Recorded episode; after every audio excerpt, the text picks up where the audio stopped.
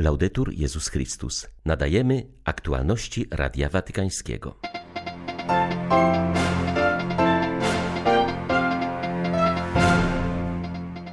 W Bazylice Świętego Piotra celebrowane były pierwsze nieszpory uroczystości Świętej Bożej Rodzicielki, które zakończyły się odśpiewaniem hymnu Tedeum. W kończącym się roku na świecie zginęło 20 misjonarzy, kapłanów, osób zakonnych i świeckich, wynika z raportu opublikowanego przez Watykańską Agencję Misyjną Fides.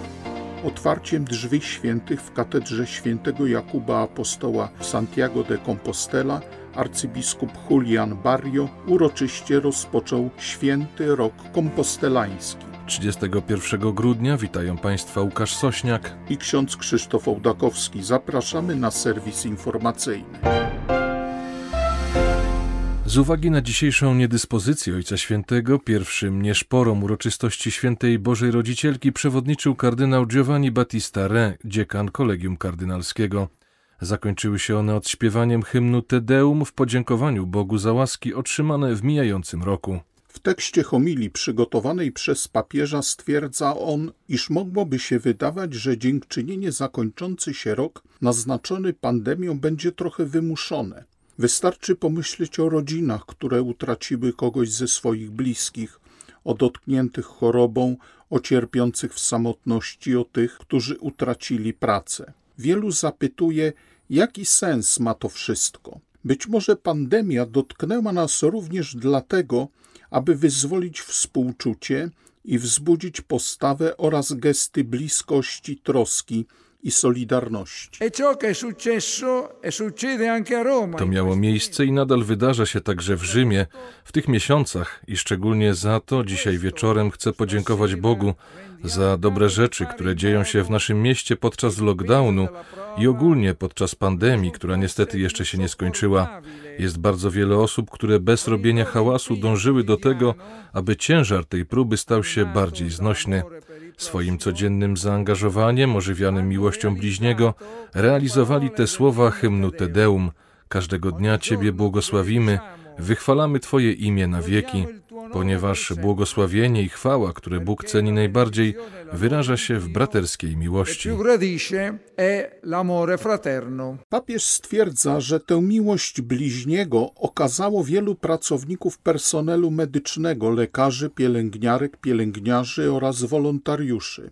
Również wielu kapłanów, sióstr zakonnych oraz zakonników. Podziękowanie objęło tych, którzy troszczą się o rodziny i służą dobru wspólnemu, w tym nauczycieli i wychowawców, a także pracowników administracji publicznej oraz służb porządkowych. To wielkie dokonane dobro nie mogłoby się wydarzyć bez łaski, bez miłosierdzia Bożego. Wiemy dobrze z własnego doświadczenia, że w trudnych momentach mamy skłonność do bronienia się, to jest naturalne, aby chronić samych siebie oraz swoich bliskich, chronić własne interesy. Jak to może się zdarzyć, że tyle osób bez żadnej zapłaty, oprócz tej płynącej z samego czynienia dobra, znajduje siły do troszczenia się o innych, co ich pobudza do rezygnacji z czegoś swojego, z osobistej wygody, z własnego czasu, z posiadanych dóbr, aby dzielić to z innymi. W głębi u podstaw, nawet jeśli oni o tym nie myślą, pobudza ich moc Boża, która jest silniejsza od naszych egoizmów. Za to oddajemy chwałę Bogu, ponieważ wierzymy i wiemy, że wszelkie dobro, które z dnia na dzień dokonuje się w świecie, ostatecznie pochodzi od Niego. A patrząc w przyszłość, która staje przed nami, ponownie błagamy, niech zawsze towarzyszy nam Twoje miłosierdzie, w Tobie pokładamy nadzieję. In Te abbiamo sperato. W kończącym się roku na świecie zginęło 20 misjonarzy, kapłanów, osób zakonnych i świeckich, wynika z raportu opublikowanego przez Watykańską Agencję Misyjną Fides. Do tej liczby należy doliczyć misjonarzy, którzy zmarli na koronawirusa, ponieważ do końca służyli powierzonym sobie ludziom, mówi Radiu Watykańskiemu ksiądz Giuseppe Pizzoli. Wśród ofiar znajduje się ośmiu kapłanów, jeden zakonnik, trzy siostry zakonne, dwóch seminarzystów i sześciu świeckich. Najwięcej ludzi kościoła zginęło w Nigerii, Nikaragui, Argentynie, Indonezji i we Włoszech. Ta lista przypomina nam, że męczeństwo dużo częściej wpisane jest w chrześcijaństwo niż nam się to współcześnie wydaje, mówi ksiądz Pizzoli. Musimy pamiętać, że w minionym roku wielu misjonarzy zostało zabitych nie przez ludzi, ale przez koronawirusa. Wciąż nie znamy dokładnej liczby. Misjonarzy, którzy podejmując osobistą decyzję, zostali w krajach, do których byli posłani, dzieląc dzień po dniu życie z ludźmi i właśnie z powodu tej wierności swemu posłaniu wystawili się na zakażenie. Niektórzy zmarli, ponieważ nie mieli dostępu do odpowiedniej opieki medycznej. Dla mnie jest to świadectwo wierności własnej misji.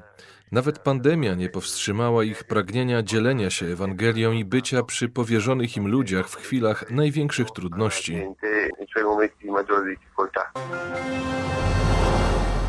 W regionie Bałkanów pogarsza się sytuacja humanitarna migrantów. Po wielkim pożarze, który kilka dni przed świętami zniszczył położony w północno-zachodniej Bośni i Hercegowinie tymczasowy obóz dla uchodźców w Lipie, z prowizorycznych schronień i namiotów nie pozostało nic, co mogłoby ochronić przed zimnem.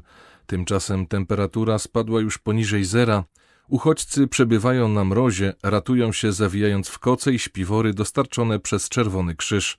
Z namiotów, które pierwotnie dawały schronienie 1400 osobom, pozostały tylko cztery, informują przedstawiciele jezuickiej służby uchodźcom. Sytuację da się opanować, ale Europa musiałaby mieć wizję i chęć długoterminowego inwestowania w rozwiązania strukturalne, uważa dziennikarka Francesca Manocchi, ekspert w dziedzinie migracji, która niedawno wróciła z Bośni.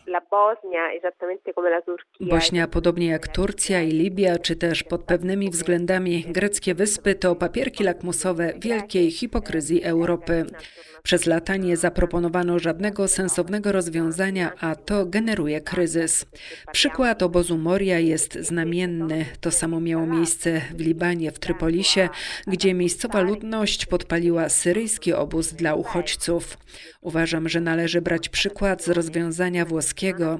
Korytarze humanitarne, które utworzyła Italia, łączą zaangażowanie społeczeństwa obywatelskiego, stowarzyszeń i organizacji, kościołów i rządów. Wszystkie napięcia wynikają z tych samych zaniedbań i doraźnych działań. Problemy w obozach są analogiczne, a to dlatego, że brakuje rozwiązań strukturalnych.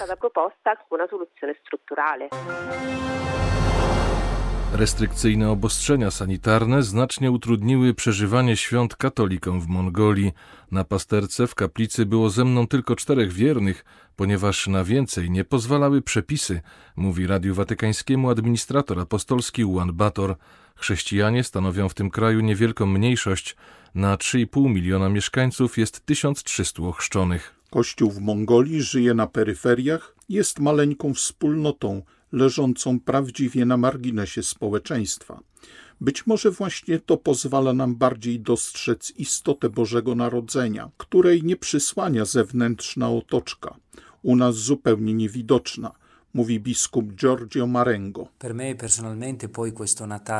Dla mnie to Boże Narodzenie jest szczególne, ponieważ po latach misyjnej posługi w tym kraju jest pierwszym, które przeżywam jako biskup tego maleńkiego kościoła. Wszystko wygląda inaczej niż sobie wyobrażałem. Mój kanoniczny ingres do katedry był już dwa razy odwołany, ponieważ za każdym razem, kiedy planowaliśmy konkretną datę, władze wprowadzały dodatkowe obostrzenia związane z lockdownem. Wciąż jest więc odłożony w czasie. Te święta są naznaczone ciszą i odosobnieniem. W kaplicy prefektury sprawowałem pasterkę tylko z czterema osobami. Na więcej nie pozwalały ograniczenia.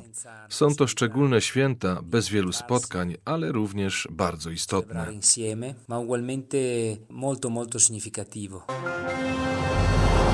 Arcybiskup Julian Barrio uroczyście rozpoczął święty rok kompostelański. Obchodzony jest on wówczas, kiedy święto apostoła Jakuba przypada w niedzielę.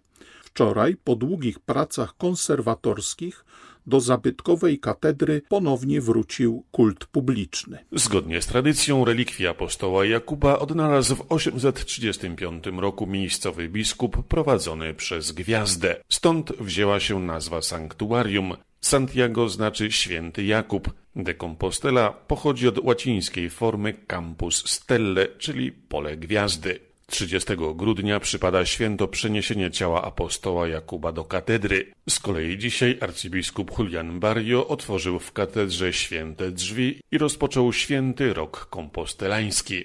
Nuncjusz apostolski arcybiskup Bernardito Ausa odczytał list papieża Franciszka z okazji Roku Świętego. Mówi arcybiskup Julian Barrio.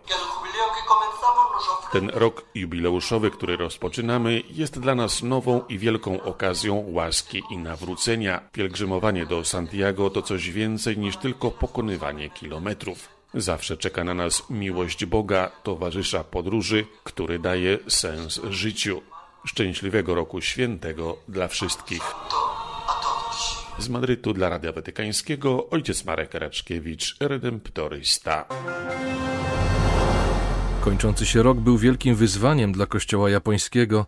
W Japonii jest mało wiernych, a dodatkowo trzeba było ograniczyć liczbę osób uczestniczących w Eucharystii. Nie był to jednak rok stracony. Kościół w Japonii obchodził pierwszą rocznicę pielgrzymki papieża Franciszka.